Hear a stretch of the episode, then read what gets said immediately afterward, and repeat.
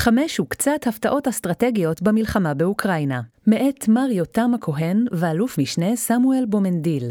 מתוך בין הכתבים, גיליון 37, הלוחמות החדשות. אנחנו כן הופתענו. התפיסה האסטרטגית הרווחת במערב רואה בהפתעה כישלון, ולא פעם את הכשל הגדול ביותר הניצב לפתחו של האסטרטג. הגורם המופתע נתפס כמי שאחראי להפתעתו שלו. חברות מערביות נוטות לחקור היכן התקיים הכשל בהבנת המציאות שהוביל להפתעה.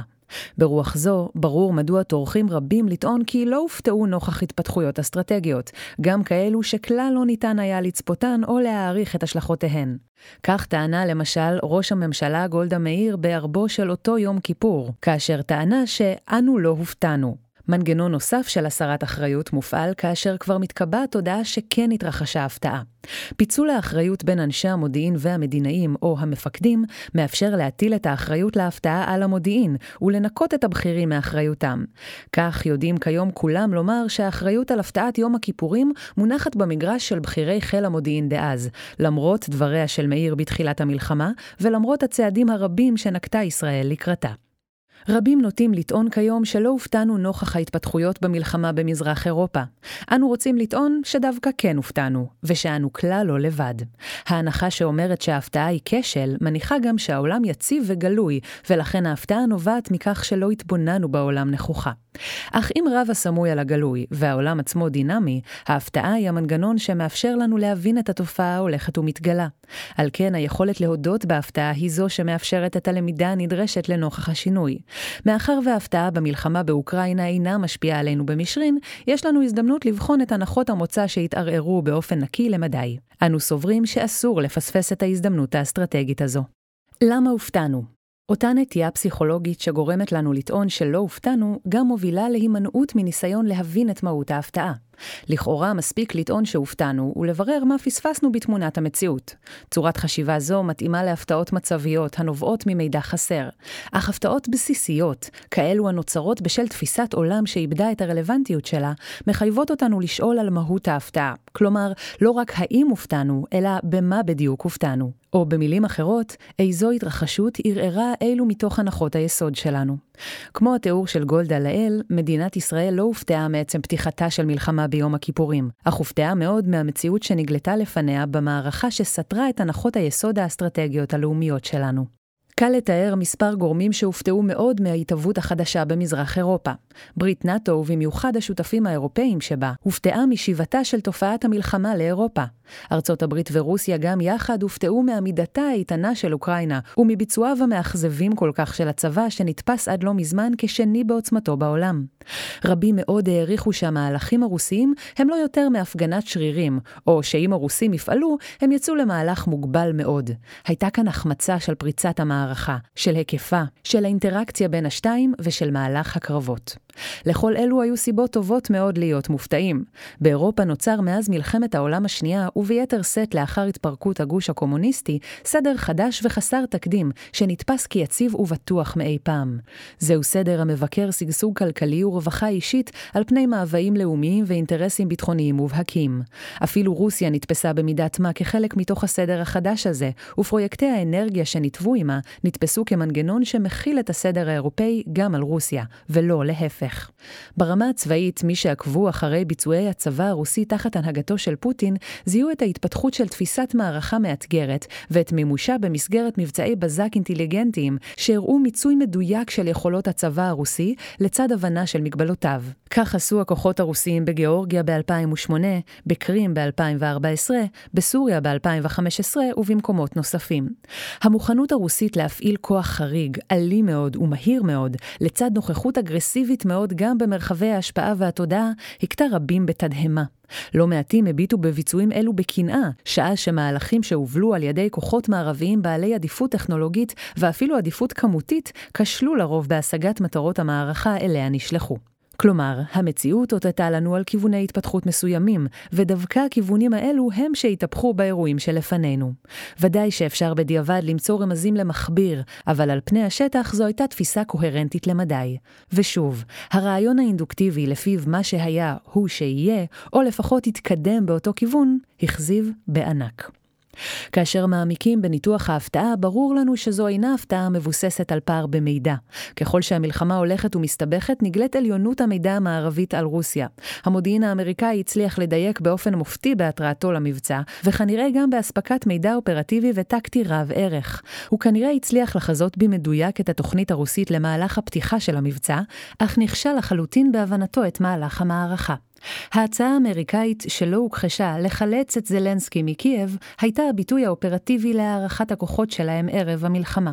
מתי מעט העריכו שמהלך הקרבות יטה באופן מובהק כנגד המבצע הרוסי. ומאחר וההפתעה במערכה באוקראינה היא של המערב ושל רוסיה כאחד, נראה שראוי לשאול את השאלה במשותף. כאשר מבינים שתופעות אסטרטגיות דומות נוטות להופיע במקומות שונים גם ללא קשר סיבתי ישיר, ראוי גם לישראל, על אף השוליות שלה מול המערכה, לחוות את ההפתעה ולשאול היכן הופתענו.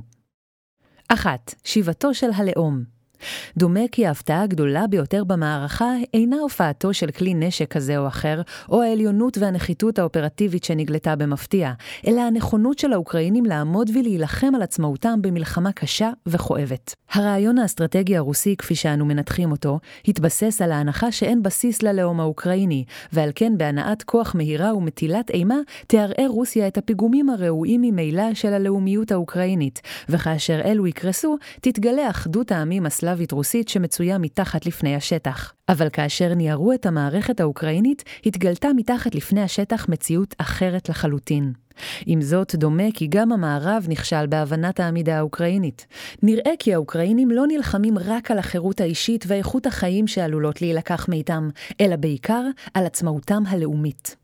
זו עצמאות מאוד חדשה בתולדות האומות. פוטין עזב את המרחב האוקראיני לפני רגעים מועטים, במונחים של התהוות תודעה לאומית, וקשה לגמרי להבין את התודעה שנוצרה שם, את הסיפור הלאומי ההולך ונרקם. נראה שהוא וסובביו ראו בה לא יותר מאשר שילוב של שוליים לאומניים פשיסטיים עם מיינסטרים שברירי המובל על ידי השפעה מערבית ליברלית. הם כשלו לגמרי להבין את ההשפעה של הפעולות של רוסיה עצמה בעשור האחרון על ההתגבשות של הלאומיות האוקראינית כרעיון פוליטי ממשי.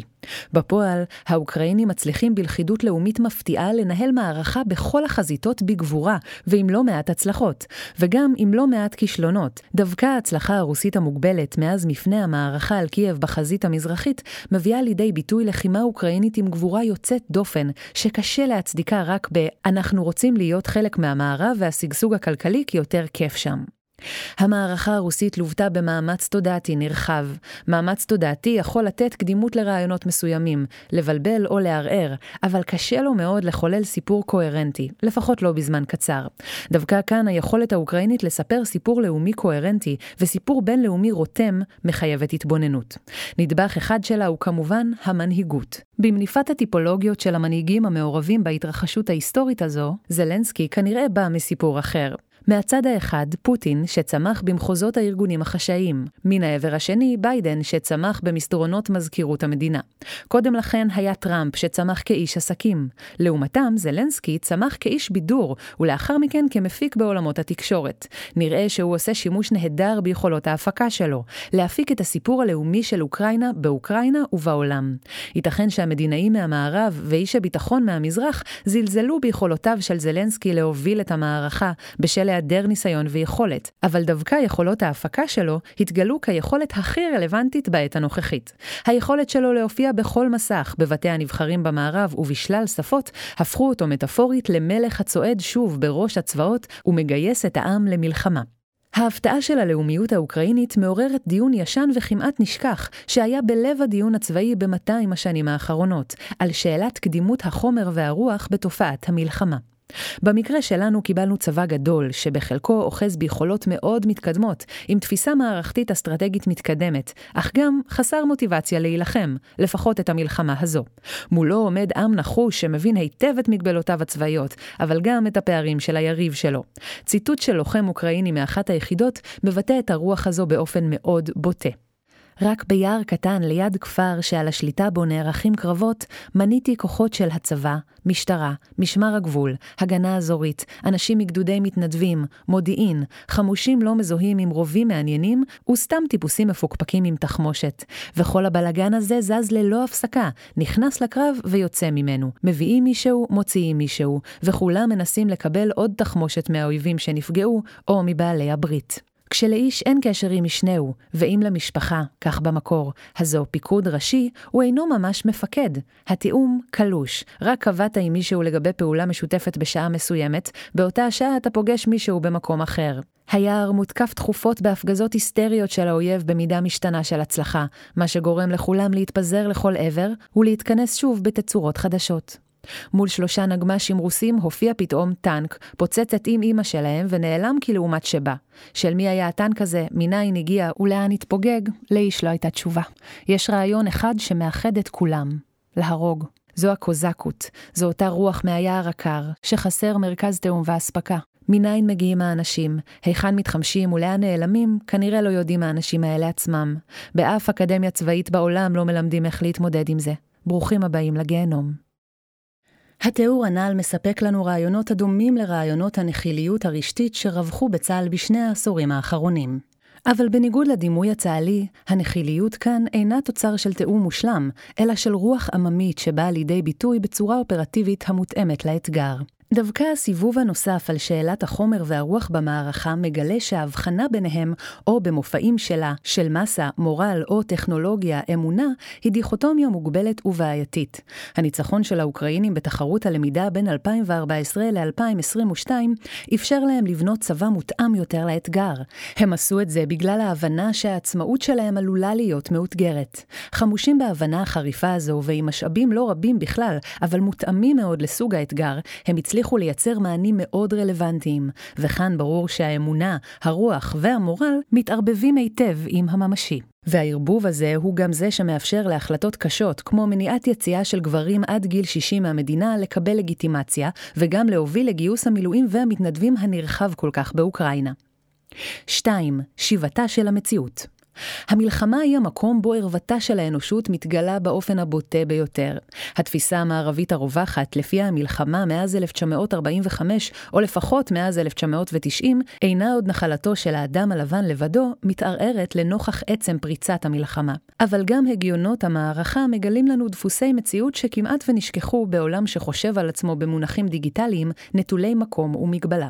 הנדבך הראשון הוא שיבתה של הגיאוגרפיה.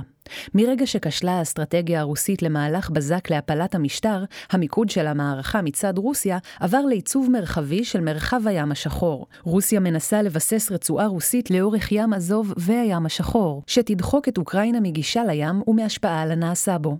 לעת עתה הניסיונות הרוסים לפעול באודסה נבלמים, אך הרצועה עד קרים הפכה למהלך מוגמר.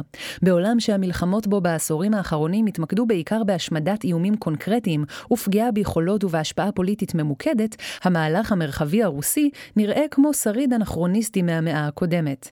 אבל למדינה מוטית ייצוא כמו אוקראינה, אלו מהלכים שעלולים להיות בעלי השפעה רבה, ולהגדיל באופן משמעותי את התלות העתידית של אוקראינה ברוסיה. הנדבך השני הוא שיבתה של האלימות. האלימות הישירה והפגיעה באזרחים במסגרת המערכות והמבצעים שקיימו גורמים מערביים בעשורים האחרונים, נתפסה כמעט תמיד כתוצר לוואי כואב של ההכרח להילחם בסביבה רוויה. אבל האלימות הניבטת מהמלחמה באוקראינה אינה תוצר לוואי, אלא שחקן מרכזי, לעתים השחקן הראשי. הרג המונים, רצח ואונס, ירי בשבויים, הפצצה שיטתית ולא מדויקת של ריכוזי אוכלוסייה, מצויים בלב הרעיון המערכתי. המלחמה היא לא רק מלחמה לצד אנשים, אלא מלחמה בקרב האנשים, War amongst the people, והאנשים, עמים שכנים שלא מזמן קיימו יחסי שכנות קרובים, מפתחים איבה תחת הפגיעות והתעמולה האגרסיבית. הנדבך השלישי הוא שיבתו של ערפל המלחמה. השילוב של מודיעין בזמן אמת בעולמות הביטחוניים, ושל תקשורת המונים בזמן אמת במרחבים האזרחיים, הוביל ליצירת תודעה לפיה אנחנו יכולים לדעת מה קורה בכל מקום ובכל זמן. בפועל נדמה שידענו הרבה יותר לפני שהמערכה החלה, ואנחנו יודעים כה מעט מרגע שהיא החלה. למרות כל אמצעי השידור בשטח, התמונה מורכבת מאלפי פיסות של אינפורמציה חסרות ערך.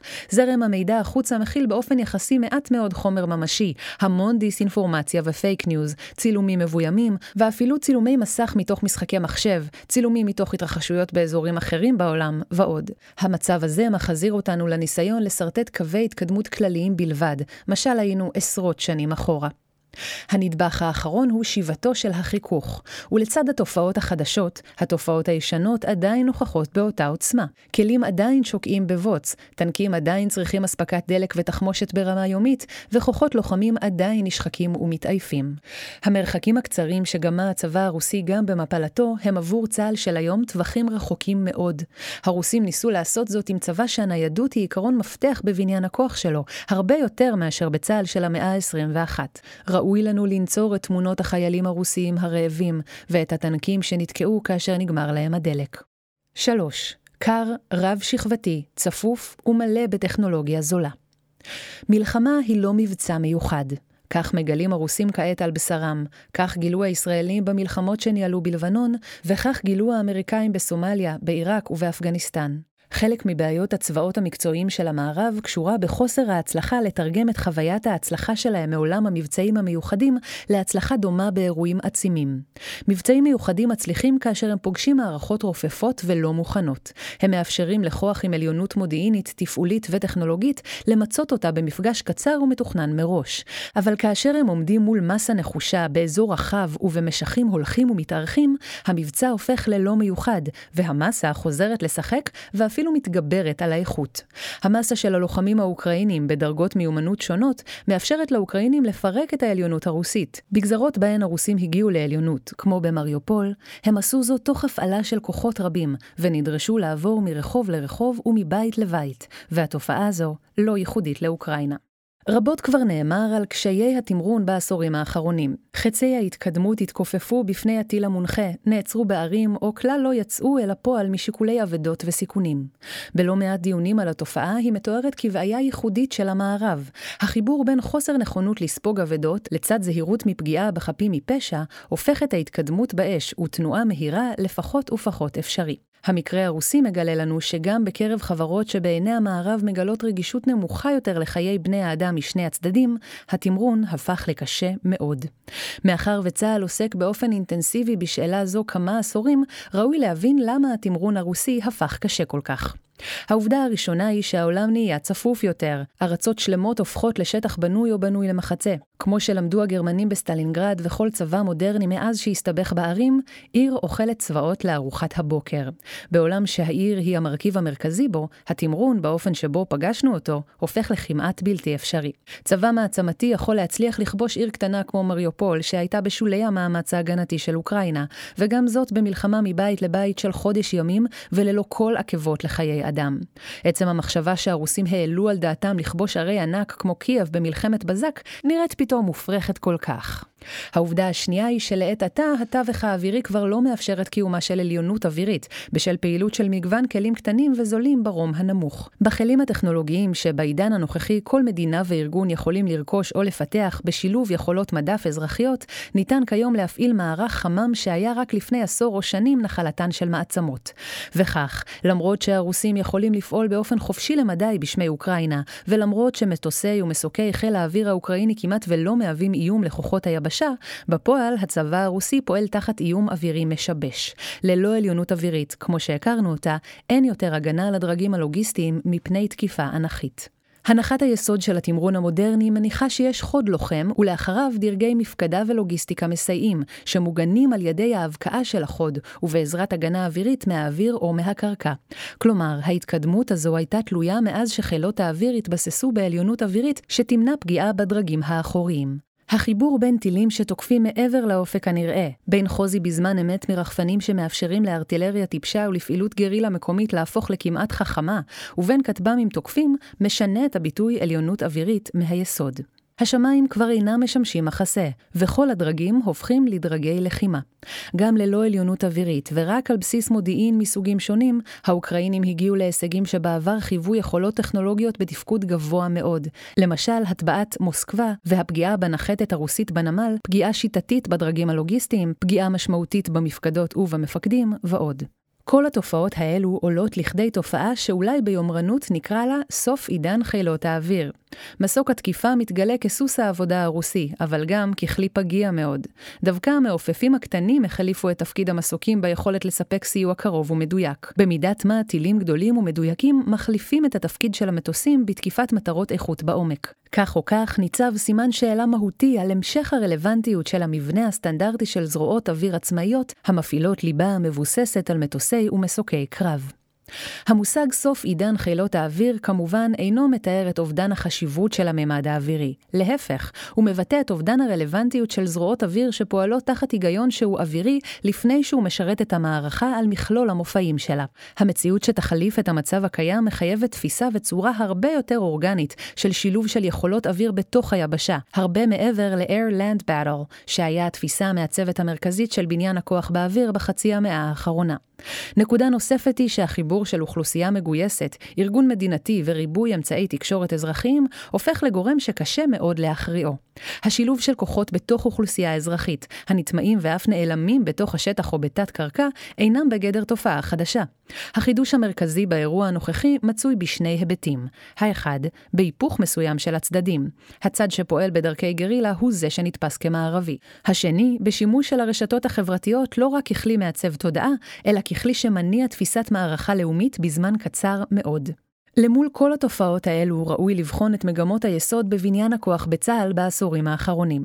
צה"ל עוסק באופן אינטנסיבי מאז מלחמת יום הכיפורים בשאלת איכות הצבא בפריזמה של העליונות הטכנולוגית, כאשר הדגש המרכזי מושם על יכולות חיל האוויר, המודיעין והיחידות המיוחדות. הוא מזניח במודע, או שלא במודע, ומצמצם את הקשב והמשאבים המושקעים במסה הלוחמת, בדרגים הלוגיסטיים וביכולת ההתניידות. הלחימה באוקראינה, שהיא מלחמה שלא ראינו כמותה כאן כמעט חמישה שישה עשורים, מעלה שאלות על המינון הנכון בין השאלות האלו. קשה וכואב לדמיין חיילים ישראליים בסיטואציה דומה לזו שחווה הצבא הרוסי, מותקפים באופן מדויק בחזית ובעורף על ידי מגוון כלים קטנים ומדויקים, אבל חייבים לדמיין אותה. 4. קריסת הדיכוטומיה המדינית-צבאית.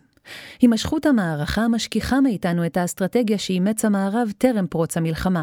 נראה שאפשר לתמצת את האסטרטגיה הזו בתמיכה צבאית מאוד מוגבלת באוקראינה, לצד הפעלת מאמץ דיפלומטי משמעותי מאוד למציאת פתרון למשבר, גם כאשר היה ברור למדי שהוא עומד לפרוץ. ההבחנה הבסיסית שהמערב אימץ בעת החדשה בין דיפלומטיה והפעלת כוח צבאי, הייתה לו לרועץ. רבים אוהבים לצטט את מהלכיו של קנדי במשבר הטילים בקובה, 1962, כמופת של שילוב דיפלומטי צבאי, אבל במידה רבה הוא היוצא מן הכלל שאינו מעיד על הכלל. ההבחנה בין הדיפלומטיה למעשה הצבאי היא מבנית, תפיסתית וערכית. המלחמה באוקראינה היא לא המשך הדיפלומטיה, אלא המאפשר שלה. כולם מדברים על ההצלחה היחסית של אסטרטגיית הסנקציות והתמיכה המדודה של המערב. ההצלחה הזו לא הייתה אפשרית לו תוכניתו המקורית של פוטין הייתה יוצאת אל הפועל. אם זלנסקי היה כרגע במעצר רוסי ושליט בובה אוקראיני היה מחליף אותו, או אילו היה מצליח לברוח מהבירה ברגע האחרון, משטר הסנקציות היה קורס מתישהו. כלומר, האוקראינים, במוכנות שלהם להילחם, הם כרגע מגש הכסף שמביא למערב את עצמאותו הדיפלומטית ואת היכולת לממש באמצעותה את האינטרסים שלו, תוך ניהול מבוקר של הסיכון שהמלחמה תגלוש מעבר לאוקראינה. 5. לקראת פרדיגמה חדשה לתחום המודיעין האסטרטגי. כישלונו של המהלך הרוסי המקורי גרם לבכירים בסוכנויות המודיעין המערביות לטעון כי פוטין לקה במיסקלקולציה שנבעה מהערכות קלוקלות של סביבתו. מיסקלקולציה, כלומר טעות בחישוב, הוא מושג שגור בשפה המודיעינית, שלכאורה מתאר תופעה במציאות, אולם בפועל מחפה על העובדה שאנחנו הבנו את העולם באופן אחד, ומישהו אחר הבין אותו אחרת. ובכל זאת, אנחנו צודקים. הוא בשימוש לפחות מאז תחקירי ה-CIA שתיארו את המיסקלקולציה של חרושצ'וב במשבר הטילים בקובה. באופן דומה, פרופסור שרמן קנט, שעמד בראש מרכז הערכה של ה-CIA, כתב לאחר המשבר כי Even in hindsight, it is extremely difficult for many of us to follow their inner logic or to blame ourselves for not having thought in parallel with them. במקום לעמוד על האחרות האסטרטגית של היריב, בחר קנט לסנוט בלוגיקה ובהערכת הסיכונים הכושלת של הרוסים. מושג מיסקלקולציה טומן בחובו גישה פטרונית המקשה על הבנת היריב. הפטרונות מתגלה בכך שהיא כמעט לעולם לא תשמש לבחינת החלטות אסטרטגיות שגויות של המערב, כמו אלו שנערכו בעיראק או באפגניסטן. כך או כך, אם העמידה האוקראינית היא באמת לב ההפתעה, כלומר, אם יש כאן באמת הפתעה, אז מותר גם להניח למילה השחוקה והלא מסייעת הזו, צריך להניח לה כי היא מפריעה לנו לעשות מודיעין אסטרטגי בעל ערך. וכך, למרות שהמודיעין כנראה משחק תפקיד טקטי ואופרטיבי ענק, נראה שהוא סיפק למערב ערך אסטרטגי מוגבל למדי בהתמודדות עם ההיגיון הלא מובן של היריב הרוסי. מושג המיסקלקולציה למעשה מחפה לא רק על אי-הבנה של ההיגיון הרוסי, הוא מאפשר לתפיסת עולם אסטרטגית להמשיך להתקיים. בבסיסה של התפיסה הזו נמצאת הנחת יסוד הרואה את העולם כקבוע, לינארי וגלוי או ניתן לחשיפה. תפיסה זו מפריעה לנו פעם אחר פעם לעמוד מול היסודות הכאוטיים של הקיום האסטרטגי, ואפילו מקשים עלינו להבין את מה שאנחנו רואים ולפרש את מה שאנחנו יודעים. למול המושג מיסקלקולציה שבמהותו מונע ההבנה של האחרות והכאוטיות המתוארות, ראוי להעמיד תשתית מושגית אחרת. בלב התשתית הזו מצוי מושג הלמידה האסטרטגית, והקשר שלה לכל מה שנאמר למעלה, לאתגרים אסטרטגיים ענקיים, למציאות משתנה, לדינמיקה מערכתית. נראה שהרוסים לא שגו בשל מיסקלקולציה, הם נפלו במה שתת אלוף במילואים יואל בן פורת תיאר פעם כי קנס דטרמיניסטי של ההיסטוריה. העובדה שהרוסים לא חוו כישלונות צבאיים משמעותיים מאז נפילת המשטר הקודם, הקשתה עליהם לזהות את הפערים בתפיסתם. בנוסף, תרבות אסטרטגית הנמנעת מביקורת פנימית בשל שיקולים פוליטיים, הפכה את הלמידה הרוסית לבלתי אפשרית. למולם, אוקראינה קיימה בין הכישלון הענק בקרים לפתיחת המערכה ב-2022 למידה אסטרטגית מהמעלה הראשונה, כזו שמזכירה לנו את הלמידה שקיים צבא מצרים בין מלחמת ששת הימים למלחמת יום הכיפורים. המודיעין שפועל במרחבי הלמידה נדרש להפעיל יכולות אחרות לחלוטין במערכת בה הוא פועל. לא רק הערכה וניתוח אנליטי של המציאות, לא רק התראה, אלא בעיקר לפתח הבנה כוללנית של הזיקות, מעין net assessment בגישה מערכתית, ובעיקר לסייע בלדמיין את העולם מחדש טוב יותר. כאשר הדמיון נוכח, המערכת תלמד גם לפתח מענים לאתגרים החדשים. אפילוג, שונים אך לא שונים. חובבי ההיסטוריה של מלחמת העולם השנייה מציינים את הקרב על בליטת קורסק כאחד מאירועי המפתח במלחמה. לאחר הקרב על הבליטה, הדרך לברלין הפכה סלולה ובטוחה. הרוסים, שכבר הבינו את צורת החשיבה הגרמנית, טמנו להם מערב אסטרטגי. הם הבינו שהגרמנים לא יעמדו בפיתוי וינסו להפעיל את תנועת המלקחיים המפורסמת שלהם לחיתור הבליטה. אבל במקום קו הגנה שניתן להבקיע, הגרמנים פגשו מבנה הגנה רב-שכבתי, חלקו סטטי וחלקו נייד, שגרם לגרמנים להרגיש שהם מצליחים להבקיע רק כדי להיתקל בקו הגנה נוסף, וכך הובילו להשמדת כוחות ההתקפה המרכזיים של הוורמאכט. קורסק מרוחקת פחות מ-100 קילומטרים מגבול אוקראינה. תת-אלוף שמעון נווה, שניתח את תפיסת הלחימה הגרמנית במלחמה ההיא, זיהה התאהבות בצורות טקטיות, והיעדר נוראי של תבונה מערכתית אסטרטגית. נראה שהרוסים התאהבו בעשור האחרון ברעיונות האופרטיביים שהם פיתחו, ובאמונה שלהם ביכולת שלהם לממש אותם בכל מרחב, אבל האוקראינים עשו עבודה מעולה בלמידה שלהם. הם פגשו את הכוחות הרוסיים באופן מתמשך בדונייצק, הם ניתחו כנראה את הכשל שלהם בקרים, והעמידו מענה אפקטיבי בדיוק לצורת הפעילות הרוסית. הרוסים הפעילו את אותם דפוסי פעולה שהם הפעילו עוד בקוסובו, ואחר כך בגיאורגיה, אבל פגשו צבא שהיה מוכן בדיוק לדפוסי הפעולה האלו. הרוסים בענק בשלב הראשון של תחרות הלמידה, ומראים סימנים איטיים של למידה מהרגע שוויתרו על הניסיון להגיע לקייב. עם זאת, הנושא הוא לא רוסיה, אלא הלמידה הישראלית. יש הרבה מאוד סיבות להסביר למה המקרה הרוסי או המקרה האוקראיני שונים בתכלית ממה שמתרחש אצלנו כאן בפינה הקטנה שלנו. דווקא בגלל העובדות הידועות האלו, ראוי לכל אדם שיש לו נגיעה בשאלות האסטרטגיות בישראל להשתמש במשחק המלחמה המזרח-אירופאי כדי לדמיין אותנו בפנים ומשני צידי המתרס. לישראל יש יכולות כאלו וכאלו, אתגרים כאלו וכאלו, וראוי לנו לחשוב את עצמנו בפנים כדי להיות מהלומדים. ברור למדי שהתובנות הראשוניות שנכתבות בעוד ההיסטוריה מתהווה חסרות במהותן. הניסיון לעמוד על משמעות השינוי כמעט הוא מופרך.